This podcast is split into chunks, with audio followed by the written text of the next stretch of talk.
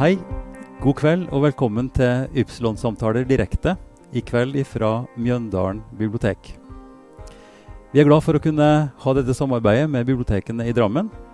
Og med Drammen musikkskole. Og også med eh, de forskjellige samarbeidspartnerne, bl.a. Drammen og Omegn tro- livssynsforum. Vi skulle jo ønske, som det har sagt tre ganger før, at vi skulle ha biblioteket fullt av folk som ville være med på samtalen etterpå. Eh, men det kan vi dessverre ikke. Det er fremdeles eh, begrensninger pga. koronaviruset. Så vi ser fram til å kunne gjøre det i neste utgave. Dette er altså den fjerde direktesendte Ypsilon-samtalen. Eh, og vi er glad for å kunne ha med oss i dag også interessante samtalepartnere. Temaet i dag handler om det å skulle leve sammen i et samfunn hvor majoritet og minoritet nok har forskjellige interesser, og hvor det er gnisninger på forskjellig måte. Eh, begge gjestene mine er forfattere, og begge jobber på forskjellig vis med disse spørsmålsstillingene. Og da er jeg først eh, veldig glad for å kunne presentere ved min venstre side her Bjørn Olav Nordahl. Velkommen. Takk for det. Bjørn Olav eh, ble først kjent med gjennom eh, boka di 'Nesten til stede', som handler om din oppvekst og skal vi si nokså turbulente til dels forhold til det samfunnet som du vokste opp i, nemlig adventkirka. Og så har du utvikla eh, mye seinere, både i, i forfatterskapet ditt med kriminalromaner og i journalistjobben din, og nå som gravejournalist i NRK. Så velkommen skal du være. Tusen takk. Og så har vi med oss Ellen Hofsø, som eh, er født i Bodø, men som har kommet hit etter hvert og bor dels her i, i, i eh, området, Krokstadelva, eh, og dels nordpå. Forfatter, skrevet eh, flere bøker. Den første 'Ingen utgang', og så nå skrevet bøker som handler om mye samisk eh, spørsmål, eh, om også utenforskap og problemstillinger rundt det. Så jeg gleder meg veldig til å høre mer om det. Eh, det ligger tror jeg, en stor rettferdighetssans og en kamp for rettferdighet i begge disse to forfatterskapene. Så velkommen skal du være, Takk. Ellen. Takk. Vi skal eh, gå litt eh, fram på den måte som vi er vant med i disse Ypsilon-samtalene, både på, på, på de vanlige podkastepisodene, men også her direkte. Nemlig å bli litt mer kjent med disse gjestene våre. Og da har jeg lyst til å, å, å begynne med deg, Ellen. Eh, du har jo fortalt meg at eh, du gjennom oppveksten eh, har lært mye om skal vi si kampen for rettferdighet. Og du fortalte meg nå nettopp at du har mye å takke faren din for i så måte. Kan ikke du fortelle litt om, om, om barndommen din og oppveksten din? Ja. Jeg vokste opp i Bodø da, på 50- og 60-tallet. Eh, da jeg var lita jente, da var Bodø en nedbomba by. Den eh, brant jo nesten helt opp under krigen etter bombing. Så vi vandra liksom blant ruiner og Tromsøpalmer. Det var de om, omgivelsene vi hadde, og, og gjenoppbygginga gikk jo fort, da. Så i løpet av begynnelsen Var det palmer Palma du sa? Tromsøpalmer, ja. Hva er det for noe rart? Å ja, du vet ikke hva det er. Alle i Nord-Norge vet hva det er. Ja. Du vet hva det er. Ja. Det er en, en, en vekst, da. En urt Aha. som blir kjempehøy. Mhm. Kan bli tre meter høy. To-tre meter høy. Og som sprer seg. Den kom vel med, med munker i noen sånn klostergreier for, Ja, på ja. 1500-tallet. Nettopp. Og har spredd seg vel sånn uønska, ifølge noen, da. Men det var jo som sånne skoger, for det her vokser jo opp der det er ingenting annet. ikke Ja, sant, Blant ruinene. Mm. Så det blir ganske sånn særegent miljø. Ja. Ja. Men eh, hva jeg skal si, altså Bodø var jo et ganske sånn egalitært samfunn egentlig på den tida pga. krigen, faktisk. For eh, altså, vi, vi var jo i samme båt, alle. De Ja. rike og de fattige og de midt imellom. Vi hadde alle, alle hadde mista husene sine, og, og alle bodde i noe slags midlertidig greie. Ja. Og venta på bedre tider og bygde og, og Mm. sånn, da. Mm. Så det tror jeg jo har gjort noe med meg også, det der med å bli rista sammen i sånne små leiligheter i svenskhus, som vi kalte dem. Mm. Gave fra Sverige. Ja. der vi kom veldig tett på hverandre. Og faren min, som var motstandsmann og under krigen, kommunist, han bodde jo da i samme hus med folk som hadde vært på den andre sida. Ja. Men han var en, en uh, flott person. For det var aldri noen vonde ord. Altså han uh, det, det, var liksom fortid for han når de hadde sona. Så, så var, hadde de gjort opp. Og ja. det var det. Mm. Mm. Så jeg fikk nok mange holdninger fra han. Også dette med rettferdighet, arbeiderbevegelse. Um, uh, det at alle alle fortjener et godt liv. Altså, han var jo sosialt veldig engasjert. Sosialstyret, edruskapsnemnd. Ja. Det kom alkoholikere på døra til oss, og han kalte dem for pasientene mine. Akkurat, ja. Så, og det var egentlig lenge før de begynte å definere alkoholisme som sykdom. Men han gjorde det. Mm. Så um, han hadde en, en raushet og, og, en sånn sosial samvittighet som var mm. enorm. altså. Mm. Så det bodde ganske tett. Det var mange sammen. Mm. Eh, flere familier og sånt. Eh, familien din, hadde du søsken? Ja, Jeg hadde en bror. Mm. Faren min hadde vært gift fra før. Jeg hadde fire halvsøsken, men de ja. var jo da voksen, så de bodde andre steder. Og ja. traff dem sånn ja. innimellom. Mm. Kanskje vi skal høre litt eh, om din barndom og oppvekst, uh, Bjørn. Det var ikke nordpå. Det var i Drammen hovedsakelig, vel? Ja, jeg er vel det som uh, i Drammen heter Bergaunge. Ja. jeg vokste opp i den drabantbyen som ligger på sørsida av av elva på oversida av Tangen og skipsbyggervirksomheten der. Født på 60-tallet, vokste opp på 60- og 70-tallet. Eh, og eh, jeg pleier å si på en måte da at jeg vokste opp med ett bein på hver side av Drammenselva.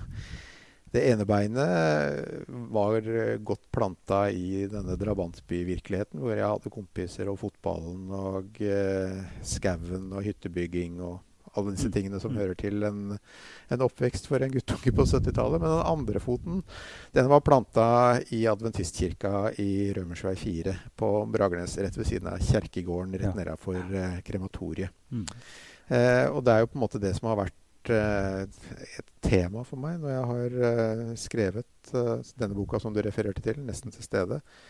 Det handler jo om det der å ikke kunne helt være, eller være fullt til stede i den virkeligheten han befant seg i. Man var hele tiden nesten til stede, enten i drabantbyen eller i kirka. Og følte seg ikke helt hjemme noen av stedene, egentlig, pga.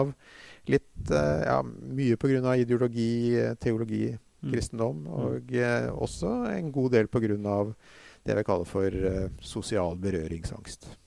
Ja, Si litt mer om det. Hva mener du med det? Nei, eh, På 70-tallet så vil jeg jo si at eh, adventistkirka nok var ganske sånn isolert i forhold til resten av samfunnet. Man hadde en, eh, man hadde en slags eh, et system på at andre mennesker eh, ikke var så veldig interessante med mindre de kunne bringes inn mm. og bli en mm. del av, mm.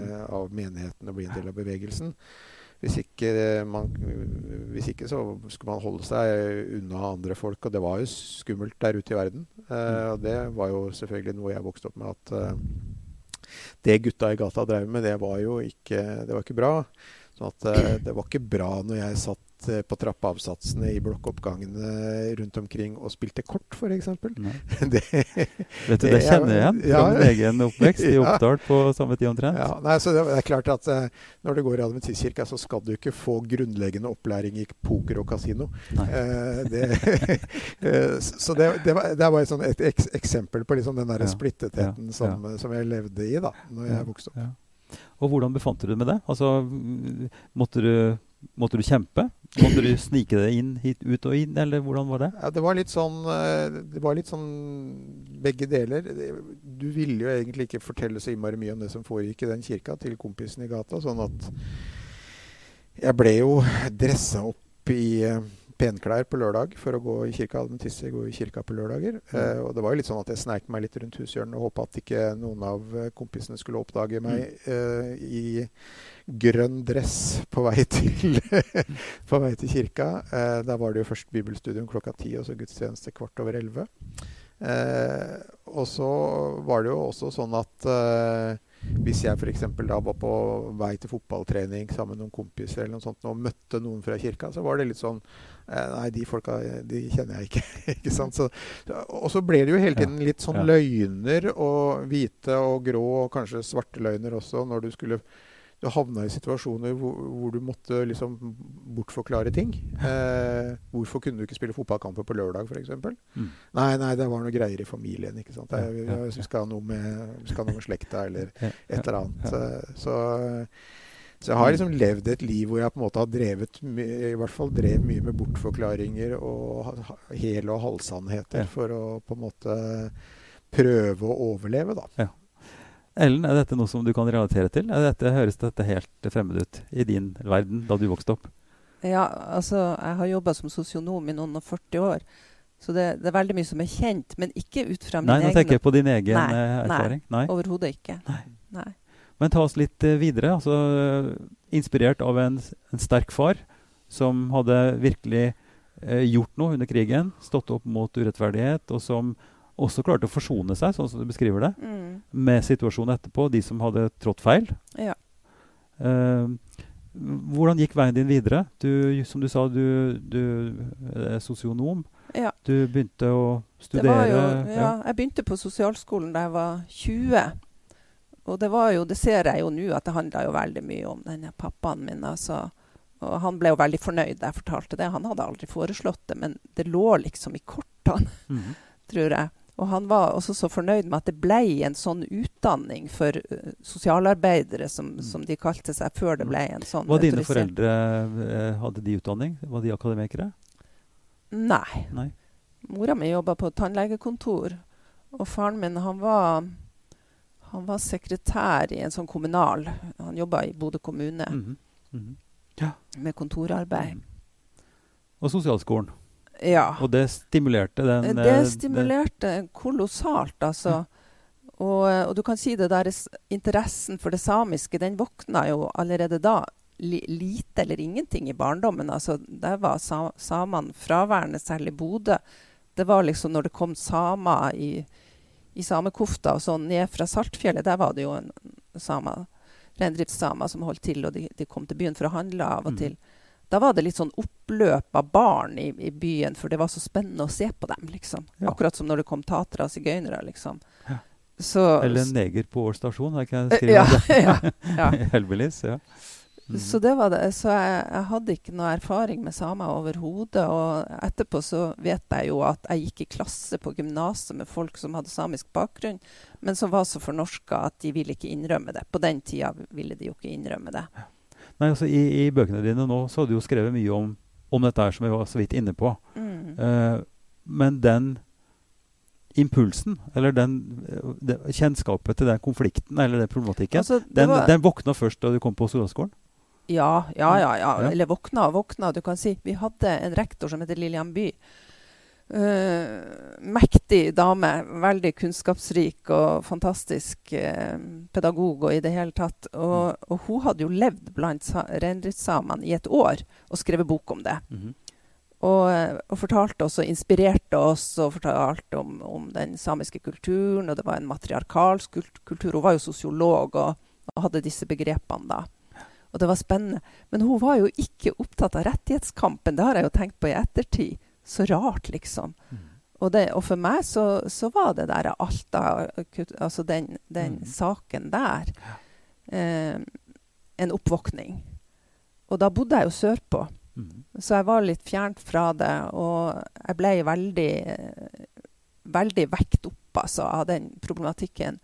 Eh, er det sånn Norge har behandla samene? Liksom? Og, og begynte å lese. Begynte å lese masse og snakke med folk. Og Mhm. jeg hadde jo eh, gått i klasse med samer på sosialskolen. Jeg kjente jo folk som var samer. Men da først våkna det, og så eh, flytta jeg da Jeg bodde jo her i Drammen til eh, begynnelsen av 90-tallet. Uh, da var jeg skilt, og guttene mine var voksne og hadde flytta hjemmefra. Mm. Og så tenkte jeg nå tar jeg meg et år nordpå. Mm. Uh, og så flytta jeg da til Senja. Mhm. Og der uh, møtte jeg dette samiske. Og der er det jo en, en kjent forfatter som heter Hans Christian Eriksen. Han døde for et par år siden. ut, uh, utgiver av Nordnorsk Magasin. og en, en, han har skrevet sikkert 40 bøker uh, mm. om det kvenske og det samiske og romaner og i det hele tatt. Mm.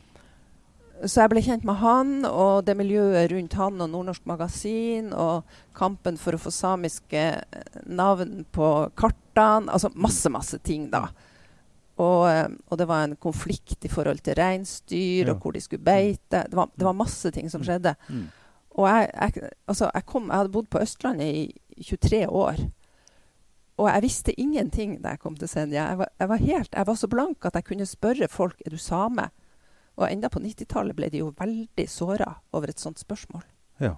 Du vet, eh, Jeg har en tidligere samtale i serien, eh, podkastserien med en som heter Asbjørn Ludvig Stavem. Ja. Som har akkurat den samme bemerkninga eller følelsen at det var Alta-kampen eh, ja. som på en måte synliggjorde hele rettighetsspørsmålet og, og øka bevisstheten.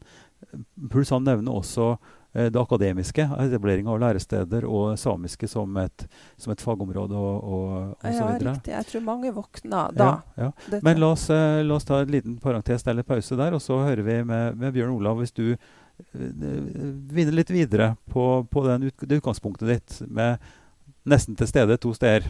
Ja. Og så fant du også din vei på en eller annen måte. For du, du gikk også på en, en, skole. Altså du ble sendt for å bli passa på. Jeg ikke passa på, men for å bli holdt, holdt litt. Fortell om ja, det. Det er jo sånn at uh, sånn når du kommer på ungdomsskolen og og ja, 7. og 8. klasse så begynner jo livet å bli litt mer ekspansivt. Det blir klassefester, og det blir liksom, du søker litt ut av det vante. Og Så, samtidig så var jeg jo veldig glad i både fotball og bandy. Spilte i Dravn, eh, og det var ting der som trakk. ikke sant? Det var stadig flere unnamanøvre for å forklare hvorfor jeg ikke kunne spille på lørdager. og eh, jeg, jeg vet ikke hvor mange ganger jeg har liksom prøvd å tørke svetten av luggen øh, når jeg har liksom sneket meg hjem på en lørdag ettermiddag øh, etter å ha bare drista meg til å spille fotball på Løkka. Så det, det, det, var, det, var jo en,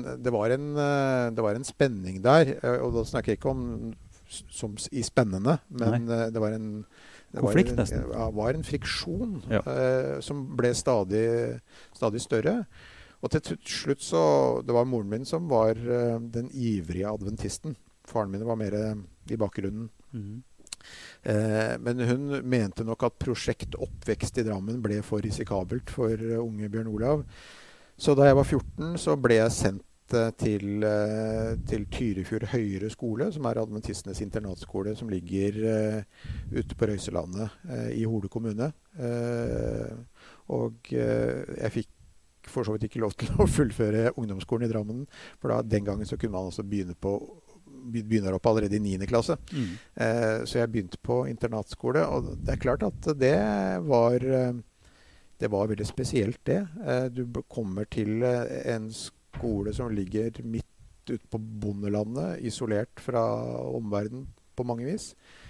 Og stappfull av adventistungdom fra hele landet, som jo for så vidt da skal eh, måte reindyrke sin den rette tro og lære. Mm. Og samtidig få seg en, eh, en videregående eller en, en, en gymnasutdannelse, som det het den gangen. Mm.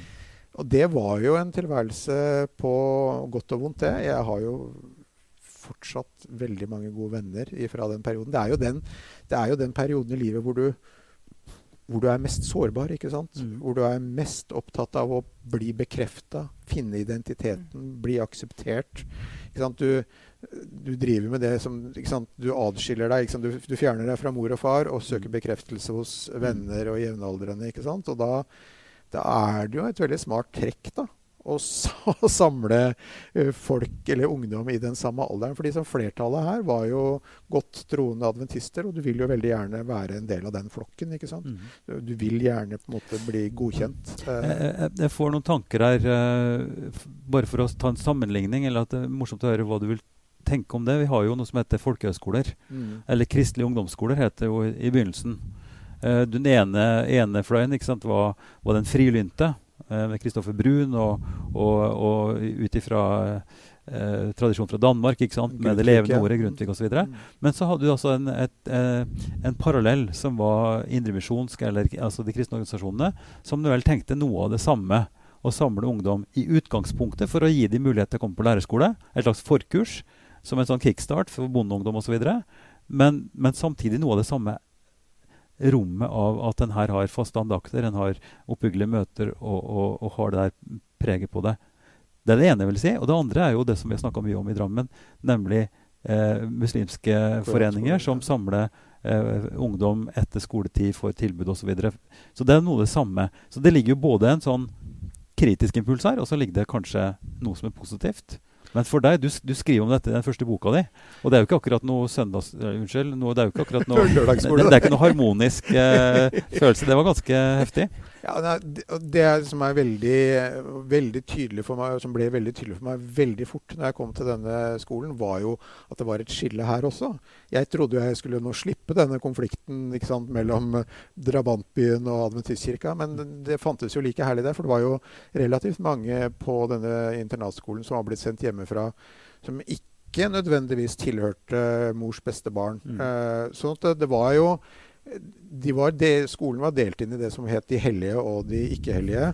Eh, og eh, det er klart at der, der, måtte du også gjøre et valg da. ikke sant? Mm. Og for meg så var dette vanskelig, fordi veldig mange av de gutta som da var kjempegode til å spille fotball, de var ikke blant de hellige. vet du. Så, så jeg, jeg, ble jo da valgt ut til å være med i et sånt uh, eliteungdomskor som het Action.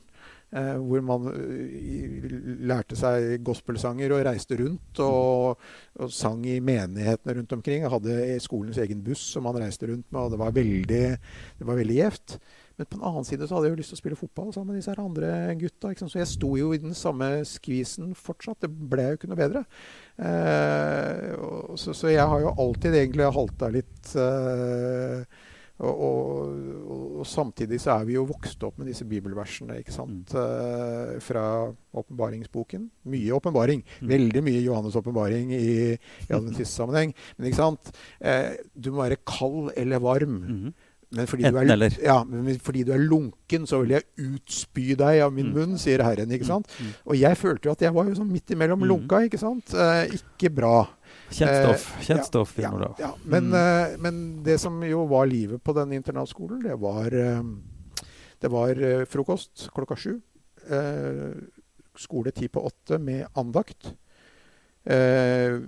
middag klokka to med bordvers.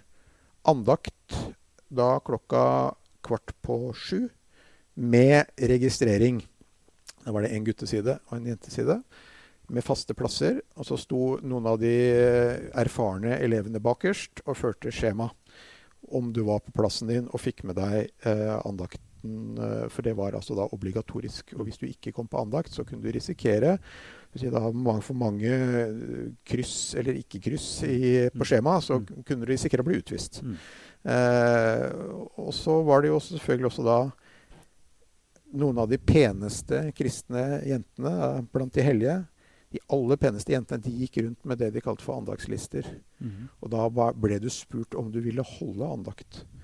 Du kan jo tenke deg hvordan det føles for en, en gutt full av hormoner når de aller peneste jentene med pupper og det hele deiser inntil deg og står der med andaktsboka og spør skal ikke du holde andakt snart. uh, så, så, så igjen, da, ikke sant hva skal, hva skal den stakkars svare? Så jeg endte jo opp med å signe opp for å holde andakt. Mm.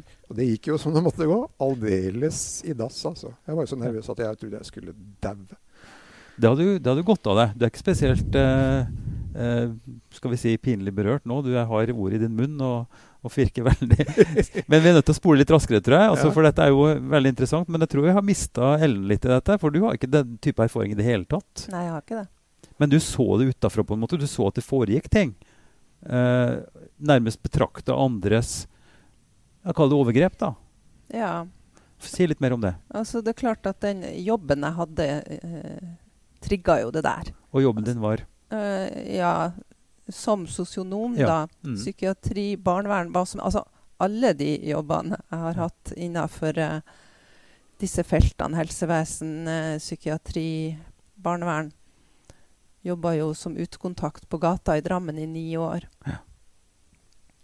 Så det Man ser jo utrolig mye, Mm. selvfølgelig. Man er veldig, veldig nært folk i disse jobbene. Mm. Men, uh, men dette engasjementet som jeg har nå, da, og har hatt i mange år, som gjelder samer og kvener, Mm. det, det kom jo da sånn for fullt da jeg kom nordover igjen. Ja, kom På begynnelsen av 90-tallet. det som der vi slapp sist. Ja. ja. Mm. Så da og, og det ene var jo at jeg fikk høre om disse kvenbarna. Eh, altså unger som ble, som ble sendt hjemmefra, fra foreldrene. Fra eh, svensk og finsk Tornedalen til, til Troms. Mhm. Pga. sult, altså hungersnød. Ja, ikke for at de skulle gå på skole, men Nei. for at de skulle overleve, rett og slett. For at de skulle overleve, ja. Ja. Og det var jo voldsomme hungerkatastrofer der. Folk døde jo i tusenvis. Altså, det her er jo noe som man vet veldig lite om, med historie fra 1800-tallet. Ja. Mm. Mm. Så, og da ble det sendt eh, Da kom denne barnehandelen i gang, som de kalte det. Og dette ble jeg opptatt av. Jeg jobba i barnevernet på Senja på den tida. Mm. Og dette med barn var veldig sånn nært meg. Sånn at du levde i jobben din nært på de som var eh, skal vi si sårbare, og, og, og, sånn, og så fikk du den historiske interessen. Ja, for så- at ikke vi blander det, for det skjedde ikke, det er ikke parallelt. Nei. Dette var tilbake i tid, sant? Ja, Ja. ja. Men det, du kan si det at jeg jobba i barnevernet, det gjorde nok at jeg var ekstra sånn, ble ekstra engasjert Mm. og, og nysgjerrig på hvordan var det Mm. Hvordan var det for disse ungene som da Altså Først så leverte foreldrene dem fra seg til en samefamilie. Samene hadde, hadde fast rute mellom altså, eh, vinterbeiteland og sommerbeiteland. Mm. Og vinterbeiteland var i Sverige, og sommerbeiteland var på kysten av Nord-Norge. Mm. Og de brukte fra to til fire måneder på den, på den reisen da, Mm. med reinsdyrene. Og da tok de med seg unger. Og de ble jo beskyldt for barnehandel, altså for de tok betaling. Sjøl sa de jo at de måtte få dekka utgiftene sine. De måtte jo kle opp disse ungene, og de måtte gi dem mat osv. Så, videre. Så Så det var vel kanskje ikke så rart at de ville ha litt godtgjøring, men de ble beskyldt for barnehandel, og myndighetene prøvde å stoppe dette her gang på gang. Det, det, nyt, det nytta ikke. De klarte ikke å stoppe det. Fordi at nøden var så stor. Ja, sånn at foreldra ga dem fra seg for at de skulle få mat og, Ja. og hjelp. ja. Mm. Og det var med tungt hjerte de ga Det det fra seg. Det, det, det var nok veldig, veldig tøft. Mm. Og mange så aldri sine foreldre igjen, og mange foreldre så aldri sine barn igjen. Så, så det var, jeg, da jeg hørte om dette, så begynte jeg å spinne på den, denne boka som kom eh, i 2017, altså, som heter, som heter 'Elvesang'. Mhm. Og, eh, og, og den, det stoffet der jeg hadde drevet research og, og lest og, vært i Sverige og, eh, funnet ut om masse ting, da. Og skrevet et par andre bøker i mellomtida. Mm. Men, uh, men så kom den her, da. Og det, det var en fantastisk opplevelse, altså fordi at det har vært så skjult, dette her. Og, og det har vært en sånn fornorsking både av kvener og samer. Det, det vet jo de fleste noe om, ikke sant?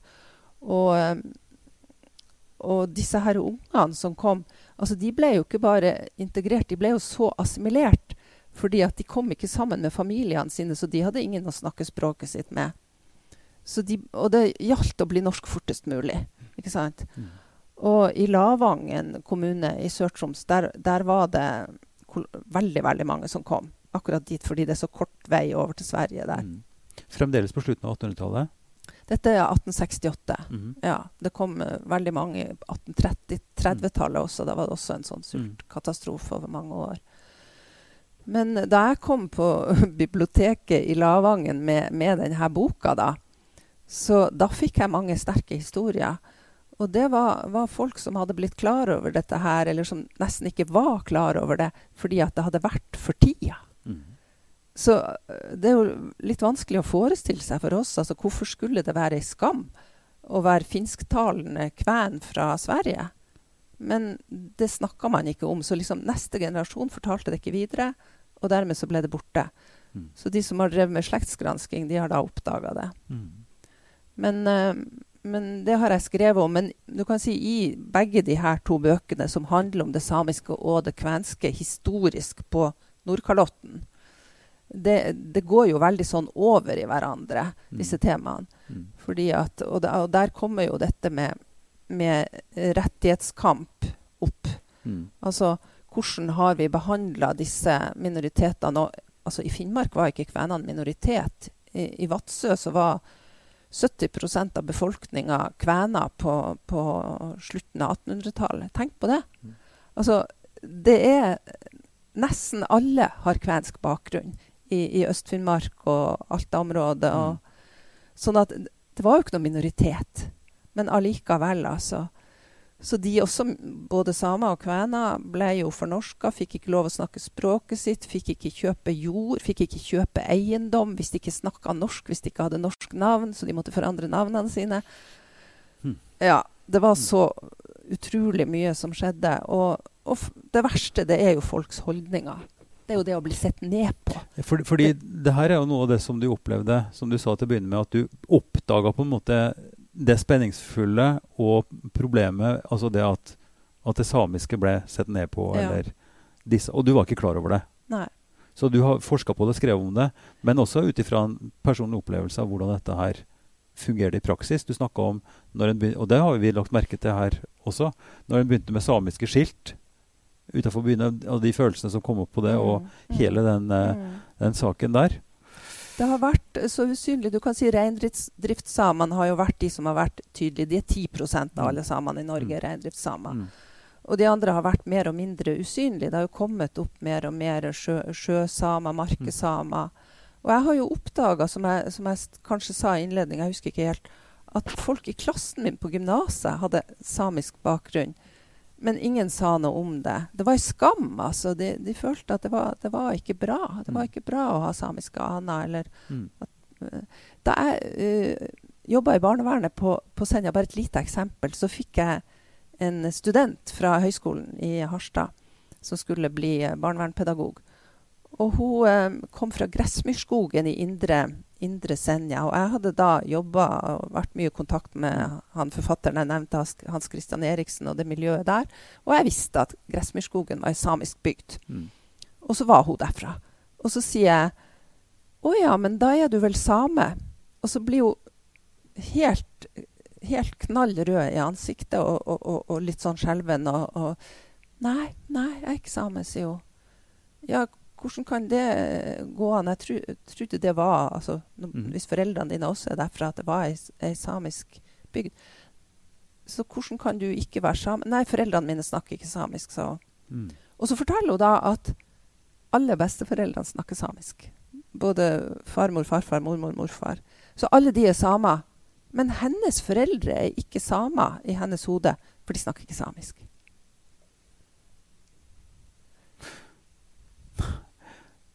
Vet du, eh, han Asbjørn som jeg snakka om Ja. eh, Når mor hans eh, For da i gamle dager, så, eh, gamle dager så var det nyheter på samisk i radioen. Ja.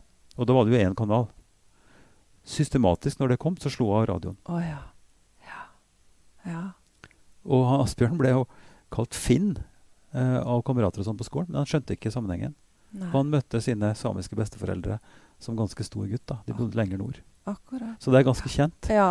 Men eh, Så den der for, fordekte altså den følelsen av at en ikke kan snakke om det, at en ikke vil Så akutt var det jo ikke for deg, eh, Bjørn Olav. Når, men du, men du hva var, når, når, når på en måte kom du videre? For du gikk jo til utdanning, du er journalist, du, du skriver jo mye om dette her. og Fortell litt mer hvordan det her utvikla seg for deg. Nei, Altså, jeg slutta jo på Tyrifjord videregående skole, eh, var russ i eh, 82. Mm. Eh, da var jeg nokså sånn overbevist eh, adventist om Mm. at eh, det var hadde funnet Mm. det riktige Ja, svarene. ja. Og Mm. eh, det var jo skulle bli en sånn plage å komme ut i verden igjen, egentlig, ut fra denne trygge bobla man hadde vært i i fire år. ikke sant? Uh, og egentlig skulle det bare en rask tur ut og få, få meg noe utdannelse og sånne ting. Og så skulle jeg sikkert tilbake og jobbe i adventist. Mora Ja, mi ville gjerne at jeg skulle bli enten pastor, Mm. da måtte jeg til England på Adventist College uh, og ta teologi der, eller fysioterapeut. Mm. Da Adventistene hadde egen fysioterapiskole i Danmark. Så det var liksom de to gjeve tingene. Ja. Men jeg hadde jo da forelska meg ei jente fra Bergen som eh, gikk på lærerskolen. Så da tenkte jeg jeg får begynne på lærerskolen, jeg også. eh, og eh, vi, eh, vi gifta oss jo ganske fort. Eh, og eh, det var nok bra, fordi vi si, vi var gravide. Mm. og det var jo ikke bra i det hele tatt. og da opplevde jeg mitt første sånn, veldig krasj med menigheten sånn i, i, i, voksen alder, vil jeg si. da, Og det mm. var at uh, da ble vi utsatt for noe som het menighetstukt. Ja. Uh, hvor uh, graviditeten ble tema på menighetsstyremøtet i Bergen. Hvor de vedtok da at vi skulle utsettes for tukt. Fordi dette barnet ble født en måned for tidlig. Mm. Uh, Forklar hva, hva tok der i dette tilfellet? Ja, I dette tilfellet så var det da ikke sant, Du ble jo ribba for alle verv. Du får ikke lov til å være på, på plattformen, og du får ikke lov til å gjøre noen ting i menigheten. Du skal, uh, skal lide i stillhet, holdt jeg på å si. uh. Men jeg vet jo at det var veldig mange mennesker som, i menigheten her da, som syntes at dette var helt forferdelig. Eh, men det var, var, en sånn tankevekker som, som satte i sving mange tanker hos meg. Eh, men jeg tenkte jo at jeg må jo klare å få dette adventistgreiene til å funke mm. på en måte bedre enn det har funka i min oppvekst. Jeg var sånn veldig, fikk etter hvert tre barn. Mm. og jeg tenkte at jeg skal i hvert fall få det der til at de skal både kunne ha positivt, en positiv opplevelse av kirka, og samtidig være en naturlig del av, eh, av bygda og nærmiljøet. For vi flytta tilbake hit etter at vi var, eh, var ferdig som studenter i Bergen. Mm. Eh, og jeg levde lenge i den der Og jeg gikk inn med all, all min energi og alt mitt engasjement og alt mulig, for jeg tenkte jeg skal få til dette. Det må kunne gå an å være mm -hmm å være adventist. Og samtidig altså, Jeg tenkte at eh, mine barn skal ikke ha den der ett bein her og ett bein der. Men jeg må innrømme at jeg gjorde veldig mange feil. I, i, og jeg måtte be mine barn om unnskyldning for en, en god del ting som liksom Det ble helt gærent. Jeg skulle jo ha jeg skulle jo ha latt disse ungene fått lov til å spille fotball på lørdag og dra på korpsøvelse og korpssamlinger i helgene istedenfor at det måtte bli kirkelige aktiviteter. Så jeg gjorde jo en god del av de samme feilene som det mora mi hadde gjort. Eplet faller ikke langt fra stedet? Nei, det gjør ikke det. Eh, men samtidig så hadde jo da eh, jeg, eh, jeg, ble jo aldri lærer, for jeg ble jo tatt av journalistikken. Eh, I, allerede i Bergen. Eh, nærradioen vokste fram. Det var frislipp i alle kanaler. Og eh, jeg fikk meg etter hvert jobb som ansvarlig redaktør for en lokalradio her i Drammen. Og så, og så ble jeg henta til lokalavisa Fremtiden. Mm. Som jo ikke eksisterer lenger. Siden er jo tilbake nå som Dagsavisen Fremtiden, mm. men den ble jo lagt ned etter hvert. Mm. Men da var på en måte min vei Eh, veldig sånn klarlagt. Eh, og jeg pleier jo å si det at eh, grunnen til at jeg hadde blitt en ganske ålreit journalist, det er jo at jeg har jo opplevd denne her, hva skal vi si, dette her makt eh, Til tider maktmisbruket. Eller maktpersoner som bruker sin autoritet, gjerne på vegne av Gud eller andre ting, til å bestemme over meg og mitt liv fortelle meg hvordan jeg skal innordne meg, hvordan jeg skal leve livet mitt, og hvordan familien min skal være organisert, og hvordan liksom ja, i det hele tatt hvordan livet skal leves. Mm. Og det er et slags, uh, slags, maktovergrep som har på en måte skapt et eller annet opprør inni meg.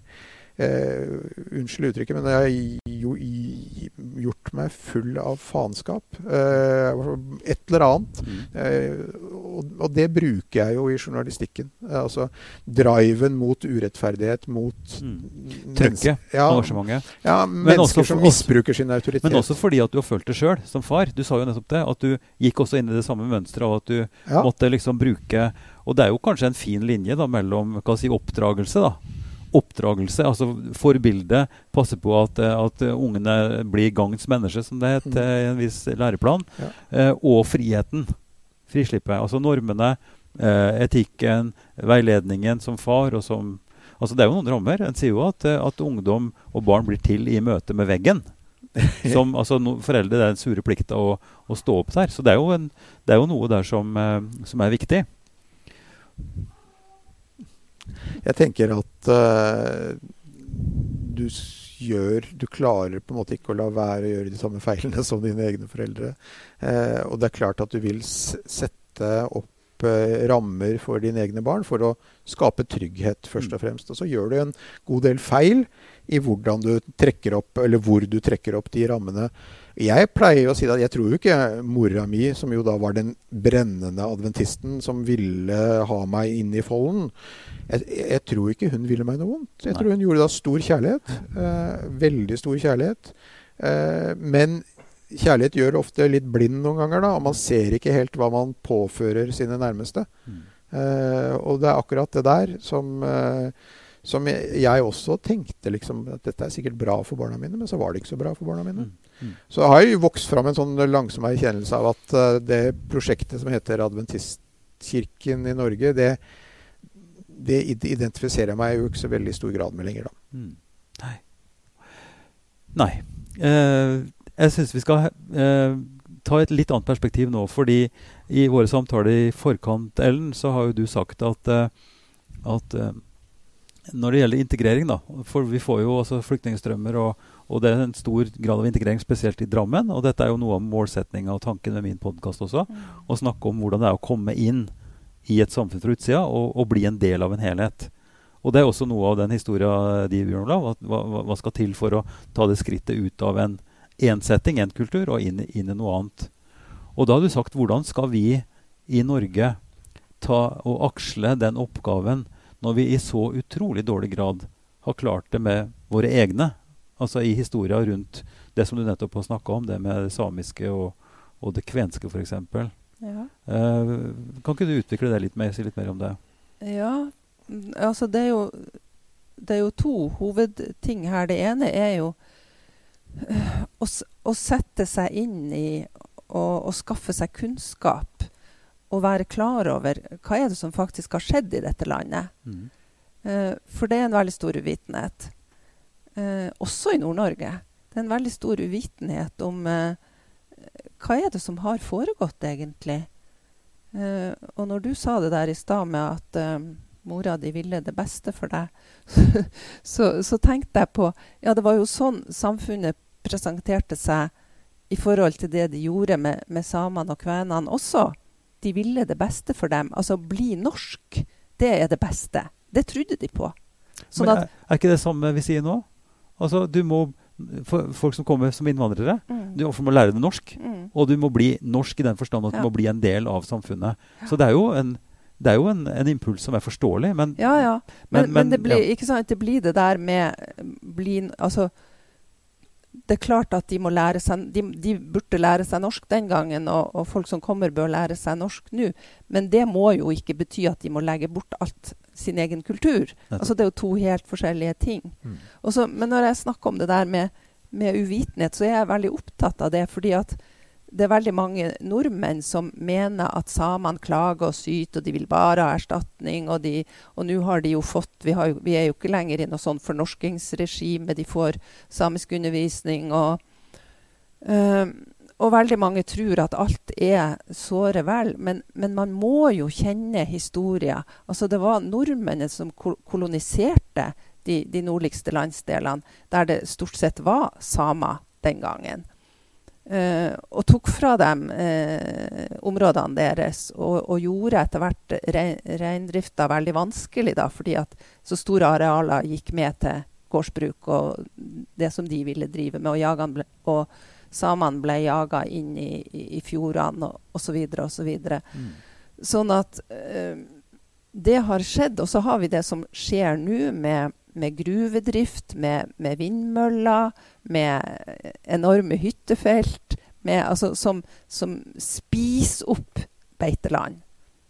Og vi har rettssaker, ikke sant? og vi har, eh, vi har stor motstand. Men, men samene er jo hele tida den svakeste part, og de har jo tapt en del av disse, disse rettssakene. Men, men, jeg tenker at det er så viktig at vi kjenner historien, at folk vet at, at uh, de var der først, for å si det litt sånn. Hvis du skulle prøve det på kontrafaktisk historie, da, hva ville vært det best case? Altså, på hvilken måte kunne ha tenkt seg eh, det som hoper havet, da, med en norsk befolkning som til dels flytta. Jo, eh, folk flytta jo nordover og begynte med jordbruk i ja, i forskjellige områder nordpå. Eh, men, men, og det er jo noe av det samme vi, vi, ser nå når vi får gjester, da, eller folk som flytter hit av mange forskjellige årsaker og slår seg til her i Norge. Fra Syria og fra ja, de landene som vi vet om.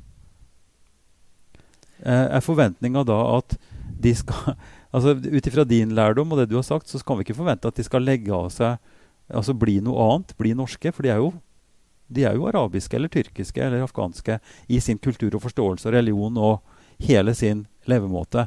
Men er det forenlig? Er det forenlig med det samiske i Norge? Altså Spørsmålet ligger jo der. Hva har vi lært? Hva har vi gjort feil? Hva er lærepunktene ja, her? Jeg har litt vanskelig for å, for å sammenligne de, de situasjonene, ja, da. Ja. Fordi at uh, det var jo, altså Den utviklinga som skjedde, den var jo styrt. Norske myndigheter ville ha nordmenn opp i nord. Mm. fordi at, eh, Og, og jo, jo, mer vi nærma oss unionsoppløsninga, altså hele siste halvdel av 1800-tallet, eh, at Norge skulle bli et selvstendig rike, ett land, ett folk, mm. vi er alle norske altså det, det, var enorm, den der. Mm. Og, og, man inviterte jo da eh, Gudbrandsdøla og de, hvor de nå kom fra opp til, eh, til disse dalene. Bardu, f.eks. Ja. Det var mange fra Trøndelag, fra min bygd, Oppdal, som ja. ja. Og de Mest kjente var vel Knut Hamsun, kanskje, og hans familie. ja, ja. Og de fikk, jo, de fikk jo ikke vite de, altså de, fikk jo, de fikk jo beskjed om at de kom til ubebodd land. Men, mens der hadde jo samene sine flyttveier, hadde hatt det i hundrevis av år. Og klart det ble konflikt. Men de var jo for så vidt uskyldige, de nordmennene som kom, og de visste jo ikke bedre. Men konflikter ble det. Så, men, men, det der er jo en, en del av historien, og den er egentlig ganske spennende. Det er forferdelig spennende å lese sånne bygdebøker mm. der disse her eh, konfliktene har utfolda seg og, og eh, ja, virkelig levd seg ut. da. Mm. Nå er det jo en uh, forsoningskommisjon som er satt ja, ned av Stortinget. ikke sant? Ja. Og, og Kirka har også engasjert seg i dette her og ønsker å bidra med kanskje et slags blikk til Sør-Afrika og, og, og, altså Forsoningskommisjonen med Mandela og Tutu ja. osv. Altså, hva, hva er det for noe? Ja, det er nok et, et ærlig og redelig ønske om å, om å, eh, gjøre godt igjen noe som man er fullstendig klar over eh, har, har, har skada samer, kvener, skogfinner også er inni der. Så vi får jo se. Til neste år skal de jo komme med, med en sånn de, Først så skal de jo kartlegge eh, historier. Altså mm. hva er det som har skjedd? Og så skal, de, eh, så skal de vurdere om dette fortsatt er til skade for folk. Og så skal de komme med forslag til tiltak. Det er liksom sånn det er Litt seint, kanskje? Tredelt. Men eh, Nei, og så er det jo liksom Det her samiske det er jo litt sånn glorifisert nå. Og musikk og Ella Marie og hva det nå er. og liksom, Vi smykker oss med det samiske, og vi er liksom stolte, og de er så vakre, og de har så fin musikk. og, og dyrke det der litt. Men å, å liksom virkelig gå inn og se på arealkonfliktene og, og, og ta, ta, stilling til skal vi virkelig legge vindmøller i de kjempestore områdene der reinen har fødestua si. Altså, ikke sant? Mm.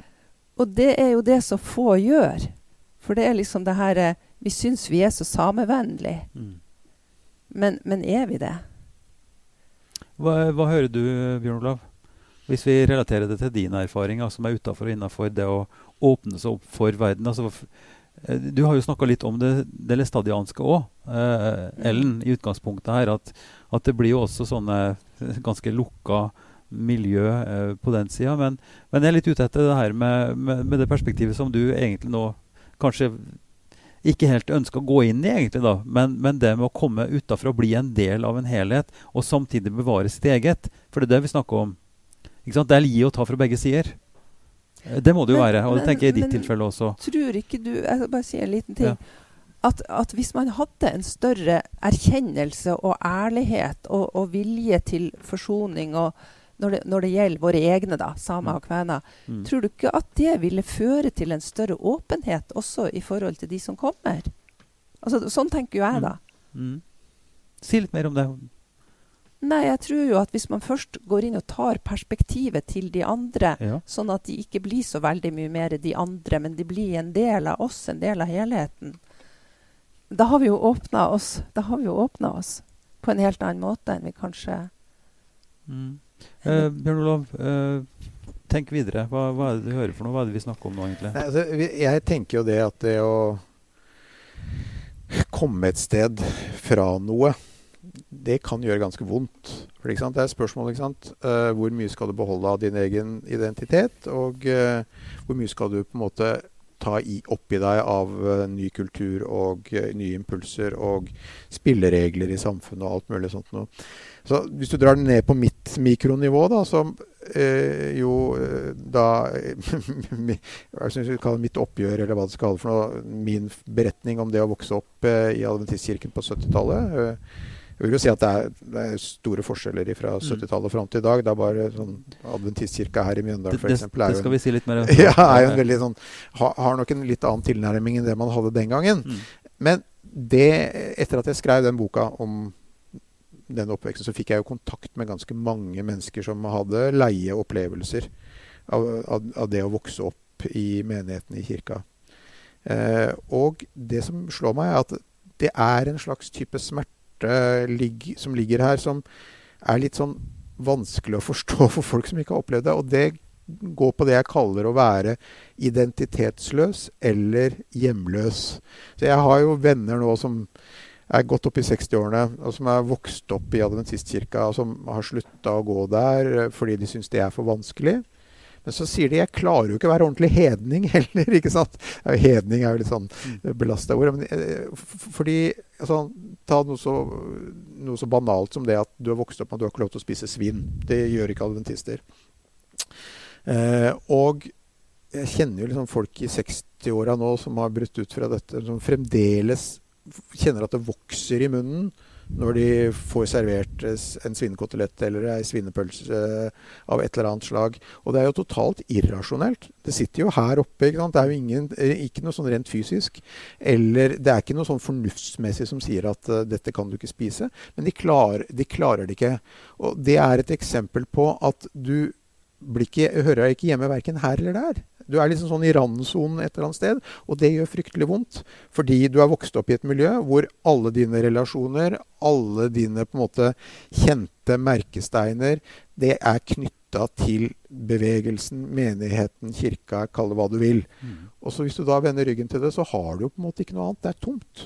Du må reetablere deg sjøl. Du må skape deg en ny identitet. Da føler du deg identitetsløs.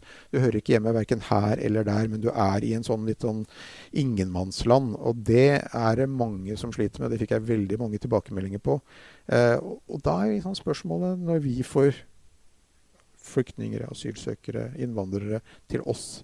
Hva gjør vi for å forstå at de befinner seg på en måte i den der, de der ingenmannslandet? Og hva gjør vi på en måte for å akseptere at de må få lov til å beholde sin identitet, sin kultur, samtidig som vi kan helt klart stille noen krav til de i forhold til det å leve i det norske samfunnet. Det er vanskelig, det greier det der. Men, men du ville jo sagt da at en større åpenhet for storsamfunnet fra kirka sin side ville ha gitt flere relasjoner. Det ville ikke vært udelt negativt. Det er ikke bare farlig og en, et avvik, men det kunne ha gitt noen forankringer som kunne ha gjort den, det livet i storsamfunn bedre. Og det er jo det som er visjonen eh, for oss som jobber med dialogarbeid. At man skal kunne ha en solid forankring i en tradisjon og en kultur og i en tro, gjerne.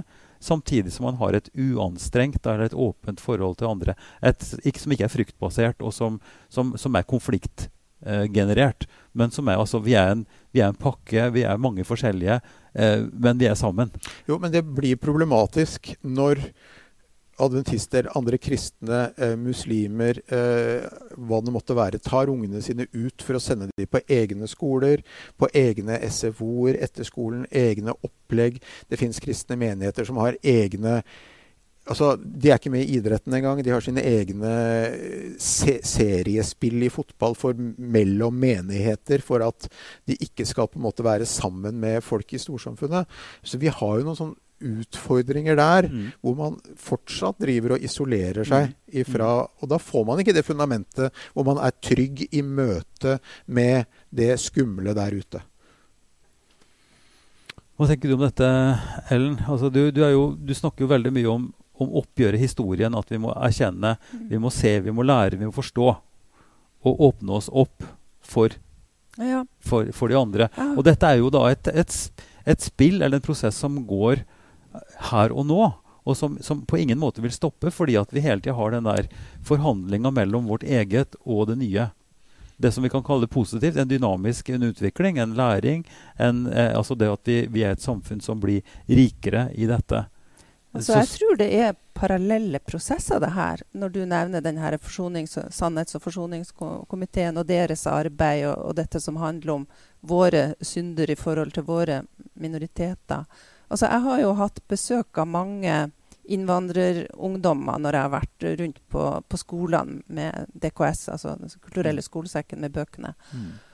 Og, og, det har stort sett kommet til meg etterpå, ikke, ikke tatt ordet i plenum, men, men, men vært bevega, altså vært veldig rørt. Mm. Ja, sånn var det å komme til Norge, liksom. Sånn, sånn opplevde jeg det. For jeg har prøvd å skildre akkurat den der som du snakker om, den der følelsen, sårheten men jeg tenker at vi må anerkjenne det. Mm. Altså at det er så viktig å anerkjenne det. Og, og, også anerkjenne denne individuelle styrken. Altså det er viktig med, med det sosiale, det er viktig med sammenhenger og, og steder å møtes og sånn, men, men, vi må ikke glemme det individuelle. Og styrken i hvert enkelt menneske. Og det, det er jo enormt altså, hvis vi lar det komme frem. Og Det har jeg vært opptatt av også i den skrivinga mi, at, at, det ikke skal bli noen sånne offerhistorier. Mm. Men dette er mennesker som kan tilpasse seg, som kan tilegne seg, som kan utvikle seg og, og bli en, en, en, viktig del av vår kultur. altså. Mm. At det er ikke bare de som trenger oss, vi trenger dem. Jeg tror det er en gjensidighet, og så handler det veldig mye om uh, den der etiketteringa vi driver med. At vi karakteriserer, altså snakker, snakker, sier same, og så er på en måte greia sagt. Mm. Uh, vi sier muslim, og så er på en måte det meste sagt. Det er jo helt, det er jo helt uh, på trynet, naturligvis. På samme måte som vi sier at en kristen er en kristen. Altså det, vi, vi, er individer, og vi har forskjellige forhold til hvordan vi utvikler oss i forhold til vår kultur. Bryte ut, forankring, altså alt det der. Så jeg tenker det er en sånn pågående prosess, det å finne seg sjøl. Mm. Det å bli et menneske i et samfunn, i en familie og i forhold til, til bakgrunn og sånn, men også i storsamfunnet. Mm. Eh, jeg takker for eh, innsikter og for, for, det dere har bidratt med, begge to, eh, i denne samtalen. Eh, anbefaler bøkene, både krimbøkene og kokebok og, og det du ellers har skrevet, Bjørn Olav, og det du driver med i NRK Brennpunkt. takk, for, takk for alt det. Og på samme måte med din skriving, Ellen. Veldig fint. Så jeg takker for samtalen og vil da si til dere som følger oss på, på, nettet, at vi på ingen måte har tenkt å slutte med dette her. Hver eneste uke så slipper jeg en ny samtale i podkasten Ypsilon-samtaler, som dere finner på www.ypsilonsamtaler.no. Og vi skal ha vår neste eh, livesending i juni.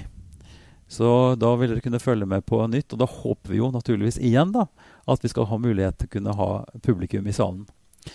Og vi har jo det samarbeidet med Kulturskolen. Eh, sånn at vi skal nå ha et, et innslag fra Kulturskolens elever. Det er to fiolinister som skal avslutte denne kvelden. Og med det så vil jeg takke så mye for at dere følger oss, og som sagt minne om at dere finner mer om dette på www.ypsilonsamtaler.no. Takk skal dere ha.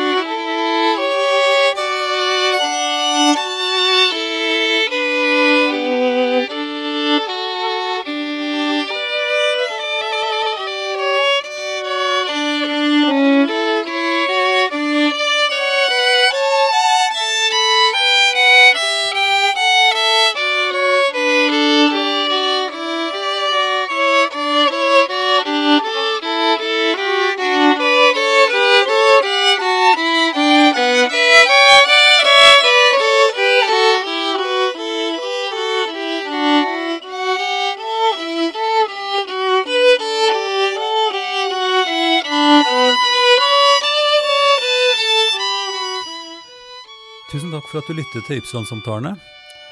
Mer informasjon om eh, samtalene og hva vi holder på med, det finner du på ypsilonsamtaler.no.